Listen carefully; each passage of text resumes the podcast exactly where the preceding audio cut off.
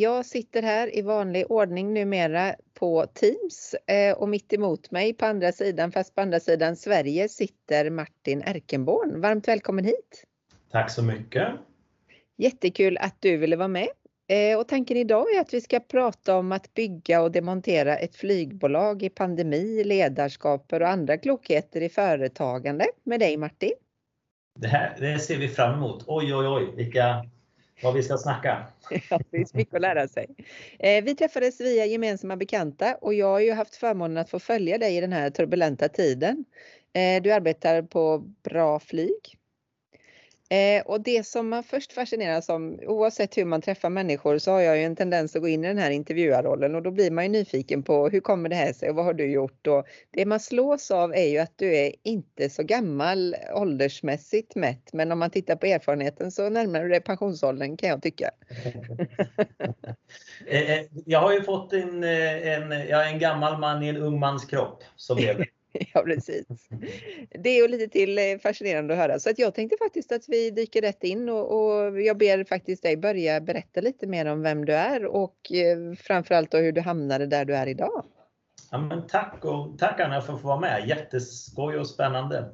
Ja, men, eh, eh, livet är fyllt av bananskal. Liksom. Jag pratade så sent som igår här liksom, med, med en kollega just hur, hur livet tar en på olika saker och att man hamnar Det är lätt att bli väldigt både sentimental och, och djup. Men, men eh, eh bara lite kort kan man säga. Jag sitter idag som planeringschef då på flygbolaget BRA, Bråtens Real Airlines, det som tidigare var Sverigeflyg och Malmö Aviation.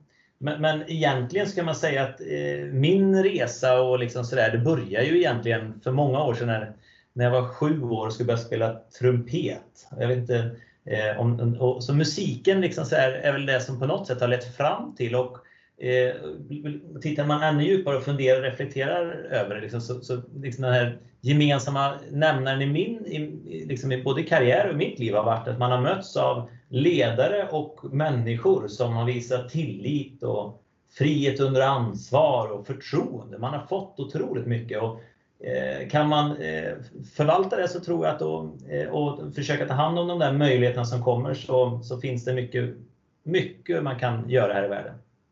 Var, var, var är du ifrån om vi börjar i den änden? Du är inte från Stockholm, det hör man. Nej, men jag är inte Stockholm och jag är inte Göteborg. Jag är uppvuxen i en stad som heter Falköping. Och det är ju det är egentligen Sveriges hjärta kan man säga. Det var där Sverige uppstod ifrån är ju Bergskötaslätten eh, nere mellan de två stora sjöarna.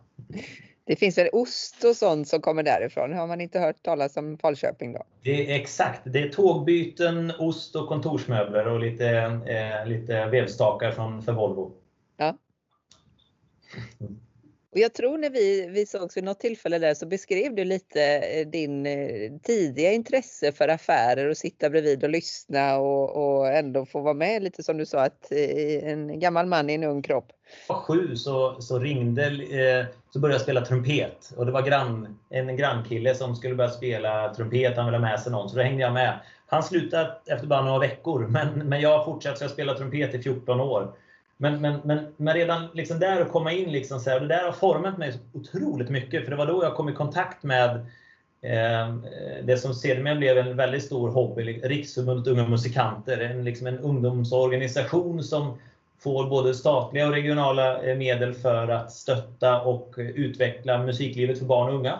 Eh, och eh, på en affisch på musikskolan så stod liksom där att här Eh, Eh, starta en förening så kan du få, kan du få lite bidrag till, din, till ett band eller en orkester.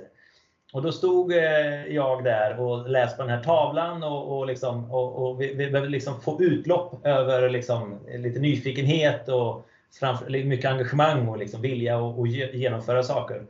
Eh, så att men, men återigen då liksom med musiklärare och musikskola som stöttar och liksom så lät en liksom sjuåring ansöka om föreningsmedlemskap och, och, skapa en förening och hela tiden, åter, hela tiden eh, ha mamma och pappa liksom i ryggen tillsammans med liksom sådär. Och det där har ju, och det, det är någonstans där man formas liksom sådär och det har säkert börjat tidigare när man byggde liksom med, med, med mycket projekt och mycket liksom, att alltid liksom drivits av att ha mycket igång.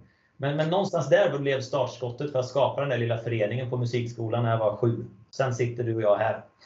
Just det. det. Det har hänt lite grann mitt emellan där bara, små duttar, men annars är det hela historien. Exakt. Eh, men är det det här att ingenting är omöjligt och allting går? Det är nog absolut en, en del i det hela. Liksom. Eh, dels att ingenting är omöjligt eh, och dels att, ja, men, och det hänger ihop med liksom, viljan att testa, viljan att våga. Liksom, att det gick inte, snarare än att säga att det går inte. Och det har liksom varit en ganska stor driver liksom, hos mig att, att tillsammans med andra, liksom, det, det går att göra så extremt mycket. Eh, mm. om du har med ett, ett gött gäng så att säga och ett team. så att säga. Och det, det, det har jag känt efter och sett liksom väldigt konkreta exempel både liksom i min uppväxt, i, i olika föreningar men också nu på senare år då liksom jag kommit in i olika roller i yrkeslivet och, och inte minst de sista åren här på flygbolaget. Var, var, var sen efter skolan och så, var, pluggade du vidare på hemmaplan eller vad, vad tog du för väg där? Ja, men det som hände egentligen bara kort, om man, eh, så kan man säga att det som var var att eh, eh vi skapade den där föreningen som vände tillbaka dit eh, och blev en förening i Riksförbundet Unga Musikanter. Och, och, sen så eh, mitt engagemang eh, bara växte i, i den och man tilläts testa, tilläts vara med i olika satsningar och, och, och verksamheter. Och, och, efter ett par år så kom in distriktsstyrelsen Eh, Eh, för, eh, för eh, ungdomsorganisationen och efter ett par år, och där gjorde vi massa grejer. Det var clinics och parader och konserter och shower. Och sen så efter ett par år så fick jag möjligheten att komma in i förbundsstyrelsen för, för organisationen och ungefär 40 000 medlemmar, 42 000, jag kommer inte någonstans där. Sen, det var ju Sveriges tredje största ungdomsorganisation på den tiden i alla fall. Och Eh, det där liksom under min uppväxt, parallellt med skolan, har det liksom varit en viktig del i liksom dels musicerandet och det vi har gjort liksom i, med musiken, men också i, i organisationen. Allt har varit ideellt, men, men hela tiden liksom var, eh, var med i det här skapet. Vi hade svenska mästerskap i körsång, svenska mästerskap i dans och svenska mästerskap i mängder av saker. Och vi gjorde oerhört mycket stråklandslag och blåslandslag. Och, och det är sådana där saker, sådana olika delar som i förbundsstyrelsen då Eh, präglat mig eh, hela vägen till idag. Liksom att, att jobba med eh, långsiktiga saker och sen se hur de blir verklighet liksom, och, och även på det operativa. Men, men, men åter till det då, så kan man säga att så, så, parallellt med min uppväxt har jag varit mycket engagerad i såna här olika föreningar och vi, vi anställde ju personal liksom, i, i distriktet och det var ju helt svindlande kan man tänka på i efterhand att ett gäng ungdomar då så att säga och, och fick personalansvar när vi tog in liksom, stöttning och hjälp i mycket kompetenta människor som för att driva verksamheten och utveckla verksamheten. Eh, och likaså när, när man kom in på förbundsnivån så hade ett, ett, ett fantastiskt gäng så att säga, på, eh, på Sverigekansliet, både i Stockholm och Göteborg och andra orter. Så att säga. Och, och efter ett par år i förbundsstyrelsen så blev jag också förbundsordförande. Eh, och, och det var också... Vad är det då i åldersmässigt här? Inte som ja, att Ja, det var ju under sista året på gymnasiet eh, någonstans där som blev förbundsordförande. Och bara få en egen liten ministab där med en generalsekreterare och en ekonomichef. Och liksom, det var ju också svindlande i sig. Men, men återigen, under hela vägen, resans gång, att, att lära sig att jobba med en balansräkning, en resultaträkning, verksamhetsberättelse, årsredovisning.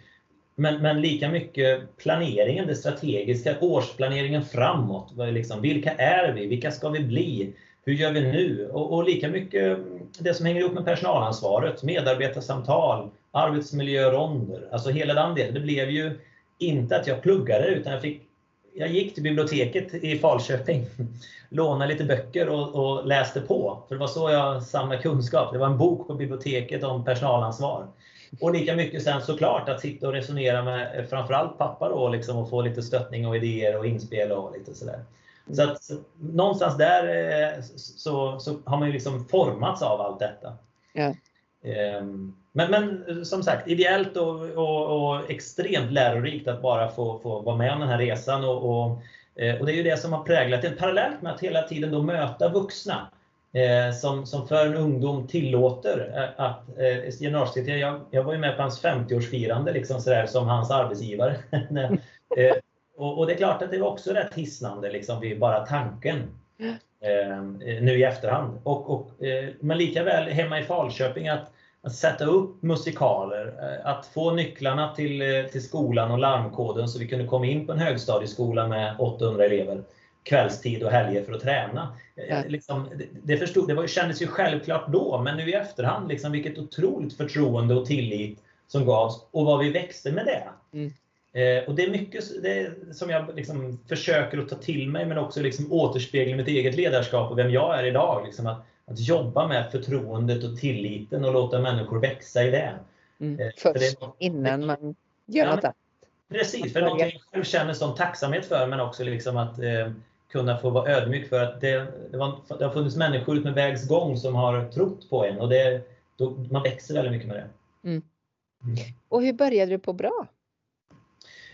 Efter, efter många år med musik och, och ideell verksamhet och, och parallellt med eh, gymnasiestudier och jobba på McDonalds och liksom allt vad det var för att få in lite pengar också. Jag var på Farsens kommun ett tag, på kommunledningen där och var den enda som inte hade barnbarn. Men, men det var ju också liksom en, en kontext som blev ganska, som, som man har vant sig vid. Men, men sen en dag så var det väl liksom, nu är det dags att börja studera. Eh, så det gjorde jag. Jag pluggade nere i Göteborg på, på Handels, eh, eh mycket Europavetenskap och företagsekonomi.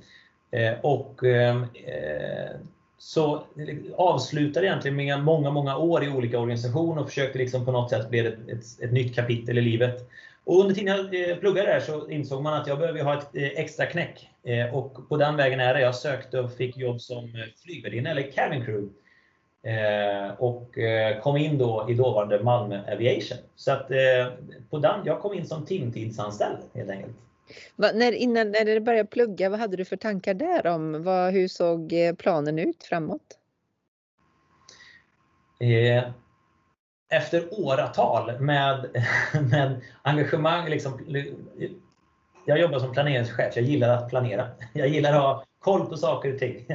Och har alltid velat ha. Och samtidigt med liksom planerat projekt, planerat konserter, planerat, liksom, eh, haft eh, liksom, väldigt mycket engagemang i, i stort och smått.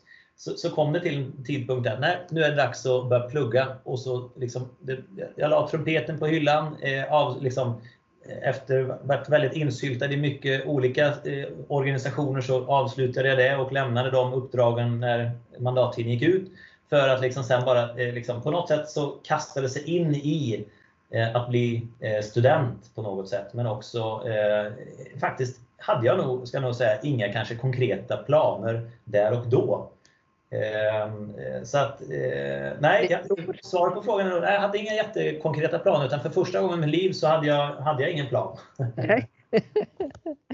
och vad hände sen inom BRA?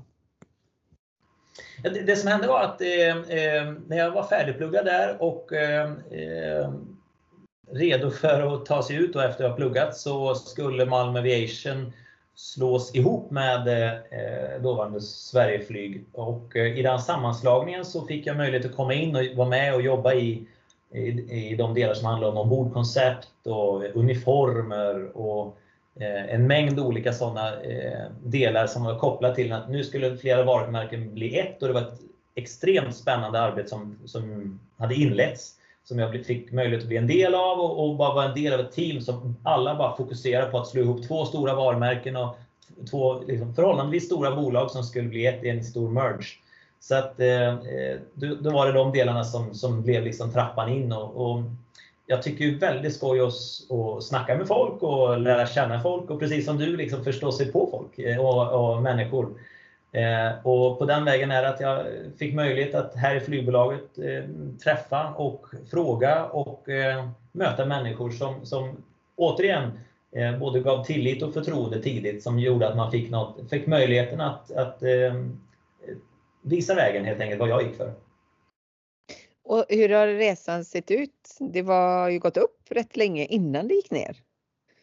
men jag kom in i ett bolag som, som har fokuserat väldigt mycket på inrikesflyg, regionalt flygtrafik, eh, framförallt i Sverige men även runt om i Skandinavien. Men, men, men eh, det som har varit de sista åren är att eh, det som kallas för leisure, alltså eh, privatresandet, har ju eh, verkligen eh, gått åt ett håll och mycket givet av den expansion som Norwegian har gjort de sista åren tillsammans med SAS också.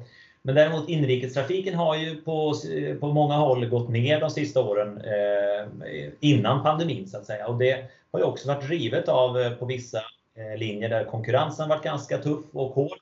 Eh, men också givet av det som många kallar för Greta Thunberg-effekten och annat. Så att säga. Men, men i sin tur så har det ju liksom, i alla fall i, eh, i mitt perspektiv, nu är jag lite part i målet, men, men det har ju också tvingat flygindustrin för att alltså, Eh, flyget är en viktig del i, eh, i, i, infrastrukturen i, i, i ett välfärdssamhälle. Framförallt när det gäller att kunna få människor till att mötas och det kommer vi behöva, det behövde vi då och det kommer vi behöva framåt. Men, men någonstans så behövs det för att få ihop att du ska kunna resa mellan eh, en huvudstad och en regionalstad. Eh, oavsett om det är inom Sverige eller regionalt. Så det kommer att behövas även framåt. Men, men där har ju liksom hela klimatdiskussionen verkligen pushat eh, flyget på ett positivt sätt att bli, att jobba mer konkret med att få till lösningar som är konkreta och som är hållbara i längden. Mm. Eh, och, och, I min värld eh, så, så, är min uppfattning att, att eh, flygbranschen har tagit det jag ser det på väldigt stort allvar och, och vi som flygbolag eh, har försökt att profilera oss väldigt hårt på detta. Vi var först ut i världen att erbjuda att kunna köpa biobränsle på din flygbiljett till exempel för att konkret göra saker direkt, inte bara eh, göra någonting vid sidan om utan visa på att vi, vi kan göra saker och vi måste bli än mer eh, konstruktiva i vad vi åstadkommer.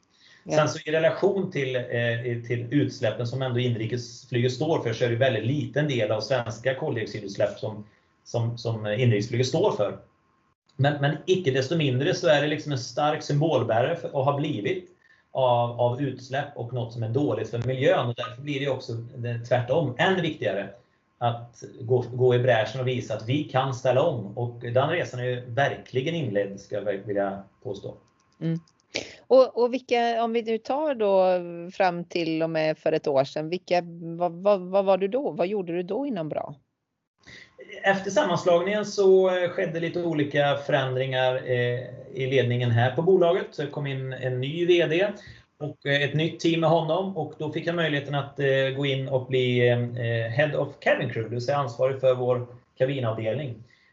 Och det var spännande ska du veta, för det, då, återigen så, jag var 24, förlåt 25, Eh, och det var 350 medarbetare spridda på nio baser runt om i Sverige och eh, fick möjligheten att eh, få en, ett kanongäng som runt, tillsammans med mig som, som ledningsteam för kabingänget med olika baschefer och, och, liknande team. Och tillsammans var det ju oerhört spännande att här möttes medarbetare som varit många, många år i, i dåvarande Malmö och gjort det på sitt, på ett sätt och, och de erfarenheter man kom in med. Och samtidigt kom ett, ett stort medarbetargäng in från Sverigeflygsdelen. Eh, och i detta så skulle det då bli en kabinavdelning och det där har ju, det var ju oerhört spännande att eh, ja, men du vet, allt från faktiska konkreta processer och procedurer men också lika mycket och kanske ännu viktigare eh, kulturbärarna. Eh, alltså skapa den här gemensamma företagskulturen efter att ha varit två väldigt olika varumärken under lång tid. Hur gick det? Ja, eh, blandat kan man säga. På vissa delar gick det kanon. Och det, det handlar mycket om att det var väl egentligen först när vi började och eh, det vill säga dubbelsätta. Det vill säga att vi hade cabin crew som flög på en typ av flygplan och sen en annan som flög på en annan flygplan. Eh, och, och, det var först när vi började mixa de här och se till att vi jobbade ihop så att säga konkret eh, som, som vi fick eh, en, en rejäl effekt. Så att, men vi har ju pratat lite om det här med personal och ledarskap och på olika sätt fram och tillbaka. Eh, men jag på något vis upplever att du landar i att det måste kopplas ihop, eh, vara på plats, se, känna, klämma. Tillika strategin absolut, absolut. men det känns att det är viktigt för dig att vara nära. Är det jag, jag tvekar en sekund innan jag gav mitt lite kanske långa svar alldeles nyss och det var för att jag valde just på den andra delen. Jag tog tillbaka mitt cert, man får ju certifikat, så jag, jag själv började flyga sen. Även om jag var ansvarig för 350 och kalendern var alldeles för full med många liksom, delar, så var det också viktigt att komma tillbaka att få jobba tillsammans med medarbetare liksom, som ett team och i en gemensam vardag. Eh, så, att, så att definitivt, liksom, det, det närvarande ledarskapet var ju också en väldigt, väldigt viktig del i att eh, faktiskt leva ut och, och vara reell i, dina, liksom, i din vilja och i, dina, eh, ja, i den strävan vi hade för en gemensam företagskultur. Hur, om vi nu då tar lite drygt ett år tillbaka så hände det ju en massa saker med pandemin och annat såklart. Mm. Eh, vad, vad hände med, med dig och med er? Och den är ju spännande såklart att, att lyssna på. Efter, ja, man, lite kort kan man bara säga att efter, eh, efter ett par år då på, eh, med möjlighet att få jobba med kabinavdelningen så gick jag vidare och fick bli planeringschef.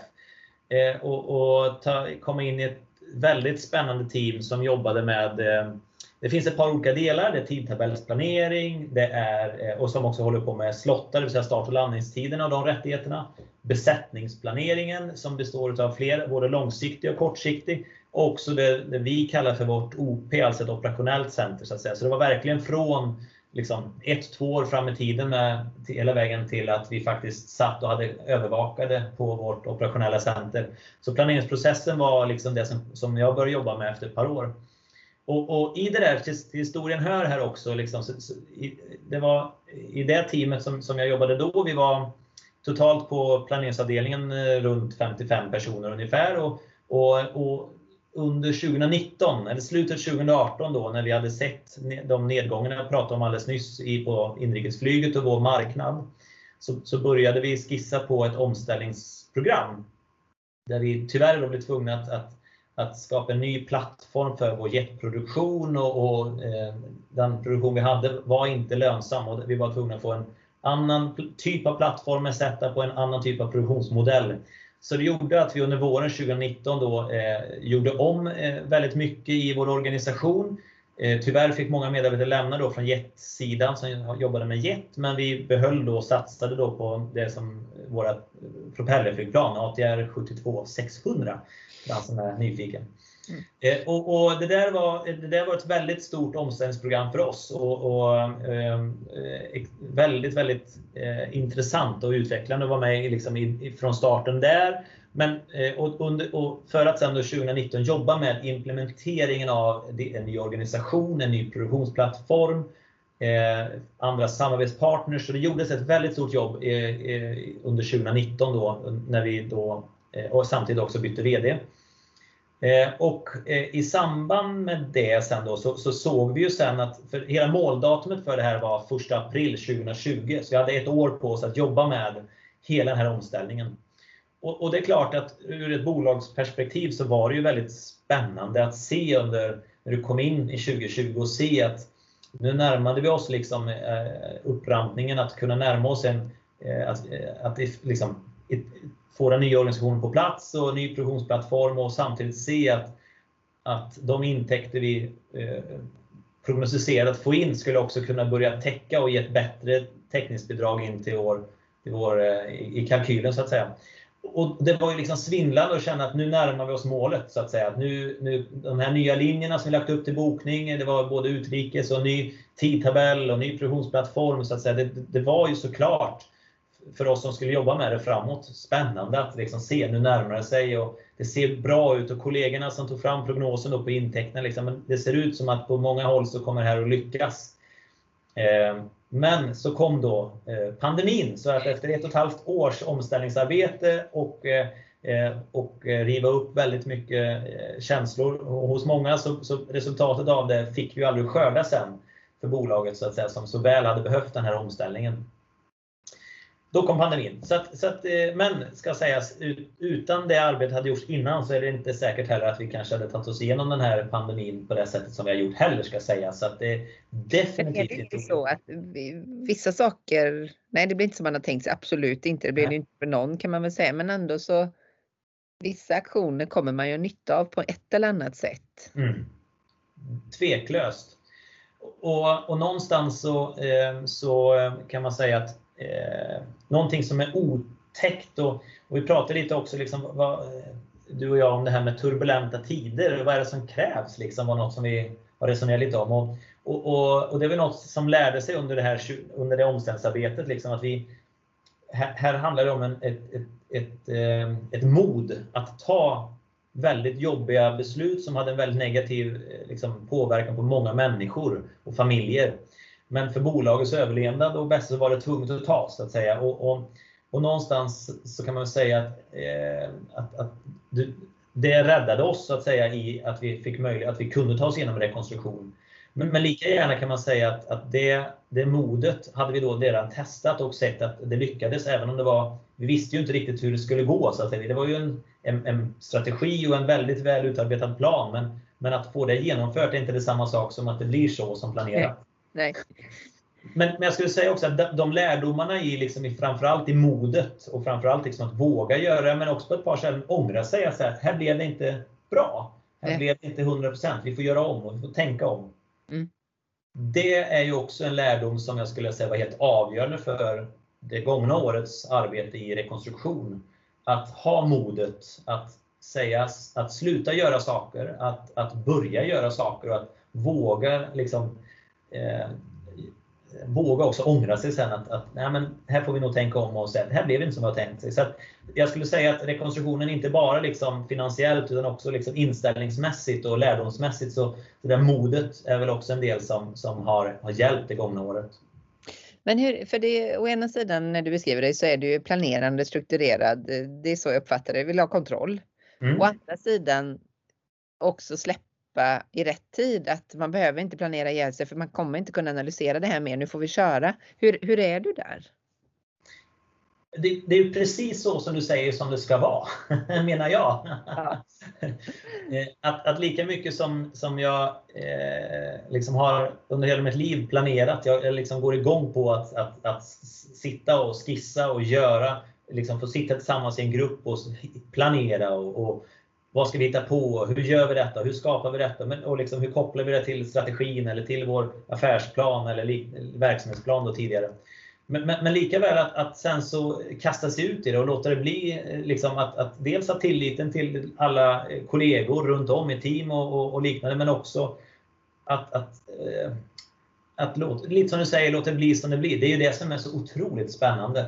Att, att våga släppa ifrån det för att också låta andra människor delta, eh, att, att sätta sin prägel på det så att säga. Att, att vara med och komma med inspel och, och liksom eh, nej, men, men, men det är en svår balansgång bara för att komma till ett sånt avslut på mitt resonemang. men hur många var ni när ni började den här rekonstruktionen? För det var ju många anställda på Bra. Ja, och, och rent känslomässigt så, så eh, kan man säga att det, det, när beslutet togs så då var vi 1200 anställda någonstans. Vi skulle precis bli, eh, gå ner då till 600 där i april med anledning av att jetplattformen gjordes om. Men, men eh, vi hann inte komma dit utan tyvärr då så fick ju alla lämna eh, bolaget och kvar var vi eh, eh 22 huvuden så att säga. Men, eh, och då ett antal goda kollegor på tekniska som skulle ta, ta hand om flygplan som stod parkerade. Så, så eh, det var väl dryga tiotalet kanske kvar på kontoret av de här 1200. Så, och, och självklart så, liksom, eh, så känner jag även där en tacksamhet att fått förtroendet att vara kvar i en sån svår tid och vara en del av ett sånt team. Men, men, men lika, och, och framförallt också såklart att ha eh, tacksamheten och känna mig liksom otroligt ödmjuk att, att fått ha ett jobb så att säga i den här industrin under ett pandemiår. Eh, och, och, men på ett personligt plan så, så, ska, så, har det nog också varit ett år som varit väldigt, väldigt eh, utmanande utifrån att så många kollegor, så mycket liksom hela, hela mitt team liksom, som vi har jobbat så tajt ihop med, ledningsteamet för planeringsavdelningen som, som man liksom byggt upp helt perfekta lösningar i mångt och mycket, försvann. Eh, goda kollegor som man ringde i bilen på morgonen och som man ringde i bilen på vägen hem bara för att köta skit. Alltså det, är, det, är många, man, det blir ju vänner också. Och framförallt när man varit i många år. Liksom. Alla försvann så att säga. De blev arbetslösa över en natt. Och, och, och kvar var jag och jobbade och kände absolut en tacksamhet över det och gör det fortfarande. Men det var rätt, det, det blev känslosamt även för oss som var kvar på ett konstigt sätt. Och bara det att vi, vi var ju tvungna, alltså, det, är oerhört mycket specialistroller i ett flygbolag och, och bara att liksom försöka samla ihop spillrorna tillsammans, att åka runt på de olika kontoren och försöka samla ihop det. Eh, de delar som vi, datorer, permar, papper, ja men you name it. Att, att bara göra en sån sak i det praktiska var känslosamt såklart. Men det, det blev liksom... minibil ner till eh, ja, småstäder och eh, vad är det av värde vi ska ta med oss? Det var nästan som att ni var på den andra delen av, av eh, den här skalan av rätt och fel. Exakt så. eh, och åkte minlastbil Sverige runt så att säga för att hämta, hämta vad som vi tyckte såg ut att vara utav värde för bolagets framtid och gjorde med några kollegor. Det, liksom, det hade man ju kanske inte trott att man skulle göra i sin yrkesliv på det sättet i alla fall. Men, men eh så, så, det har ju verkligen varit omtumlande på många plan. Personligt, eh, liksom, yrkesmässigt, men också eh, som ett team. Liksom, helt enkelt att gå igenom detta ett, och, och, hitta varandra som att vara kvar i en sån här tid. helt enkelt. Och vad har ditt huvudfokus varit under det här året i, i den här nya konstellationen? Eh, ja, så, eh, som sagt, så huvudfokuset är nog svårt att säga rakt av. För, för lite, och det är lite, bara för liksom, som jag precis sa, ena dagen har vi suttit och åkt lastbil mellan svenska städer och samlat grejer. och försökt förstå liksom bara vart finns pappren och dokumenten på en sån grej. Eh, väldigt hands-on som jag inte har gjort på ett antal år. Liksom att komma ner lika mycket och ta på sig snickarbrallor till jobbet. Det var ju bästa byxorna man haft på länge mot kostymbrallan. Liksom. Mm. Men, men, men, lika mycket så har det under året liksom varit att jobba med de kreditorer som, liksom har, som vi hade skulder till och försöka hitta lösningar och, och, möjligheter framåt för att få igenom en, att bli beviljad att kunna få alla kreditorers tummen upp att lämna. Hur, hur ser framtiden ut, tror du? Jag tror att flyget kommer att eh, behövas, flyget kommer att finnas kvar och jag tror att flyget kommer de kommande åren lyckas med en, en ordentlig klimatomställning för att kunna på, liksom kunna flyga runt klimatneutralt. Utmaningen ligger kanske i de längre flygningarna ut, utanför Europa. Men det ligger längre bort, men det kommer säkert lösa sig det också. Hur ser du på, för jag tror, jag vill minnas att vi vid något tillfälle pratade om det här med samarbete mellan eh, eh ja, vänner i branschen så att säga. Ja. hur, ser du på det och är det någonting som kommer att bli mer av eller mindre av utifrån att alla har ju samma tuffa utmaning? Definitivt eh, så, så, så, tror jag det absolut samarbeten eh, är en del av eh, liksom, eh, lösningen framåt. Men jag, jag, tror också både på gott och ont så att, säga, att, att aktörerna kommer bli färre eh, för att eh, det kommer bli, vara en mindre marknad att jobba på så att säga. Och, då, och ska det då gå, gå, lösa sig framåt så är det såklart att samarbeten är, är den rätta melodin. Och kanske inte det är på vänner som är precis i huset, i grannhuset. Utan det kanske också är vänner eh, någonstans i närheten så att säga. Mm. För att det, det, jag har behöver de och det de har behöver jag. Att det finns mm. också byteshandel och liksom att kunna stötta varandra med olika typer utav eh, kvaliteter och kompetenser byta med varandra som jag tror kommer bli minst lika viktigt för flygindustrin. Mm. Och eh, för att summera lite här, man kan prata hur mycket som helst Martin, för det är oerhört spännande liv du lever. Eh, vad, om man nu ska titta på det här ledarskapet som du har fått prova i alla olika typer av eh, mm. tider. Vad, vad är det viktigaste för dig där i ditt ledarskap? Det viktigaste för mig är att kunna ha ett team där man där jag bygger mycket på det, tillit, förtroende och frihet under ansvar. Eh, liksom, jag tror alltid eh, gott eh, och jag känner det väldigt viktigt att man har förtroende för varandra. Så, så, så i, i, mitt ledarskap så, så, grundar jag mycket på tillit och förtroende för att det är också det som har gjort att jag har eh, fått de möjligheter att kunna ta mig an de här utmaningarna, så att genom dem. Sen, sen så i, och, och, det hänger väldigt mycket ihop med transparens och eller, alltså, kunna, det är lite klyschigt men högt i tak, att kunna ha de här diskussionerna. Jag är uppvuxen i en demokratisk organisation, i en förening, där du mm. röstar om saker. Alla ska komma till tals och sen så försöker man hitta liksom, vart ligger den störst konsensus eller vart ligger majoritet så att säga. Och, så jag är väldigt mån om att, vi, att ha ett ledarskap som gör att man får komma till tals, vi diskuterar och vi, vi hittar konstruktiva lösningar. Och sen tillsammans sätter vi vårt förtroende och vår tillit till att, eh, att det här ska gå vägen. Och gör det inte det så måste vi också vara så pass prestigelösa i att kunna ompröva och ta nya tag. Det, det, finns ju få saker som är så tillfredsställande som att få, få jobba i det här gränslandet mellan det strategiska, långsiktiga, men också få vara med och följa sen, liksom, se hur det tar form. Liksom. Mm. Att det blev som man hade tänkt sig, eller blev inte som man hade tänkt sig, men det blev bra ändå. Exakt. Eh, och nu då när ni håller på att rampa upp igen, vem söker ni till er organisation? Vad, hur ska man vara för att trivas? Ja, men ska man trivas just nu i flygbranschen 2022? Vi har ett par tuffa år framför oss här innan marknaden kommer tillbaka. Vi tror väl inte att volymerna någonstans i, i marknadsmått mätt är tillbaka förrän 2024, kanske tidigast. Vi, vi, söker ju och vi, vi, behöver ju människor, terränggående allkonstnärer var liksom, är ordet som, som slår mig. Team spirit med terränggående människor som, som tycker om när det är stort och smått samtidigt kan man säga.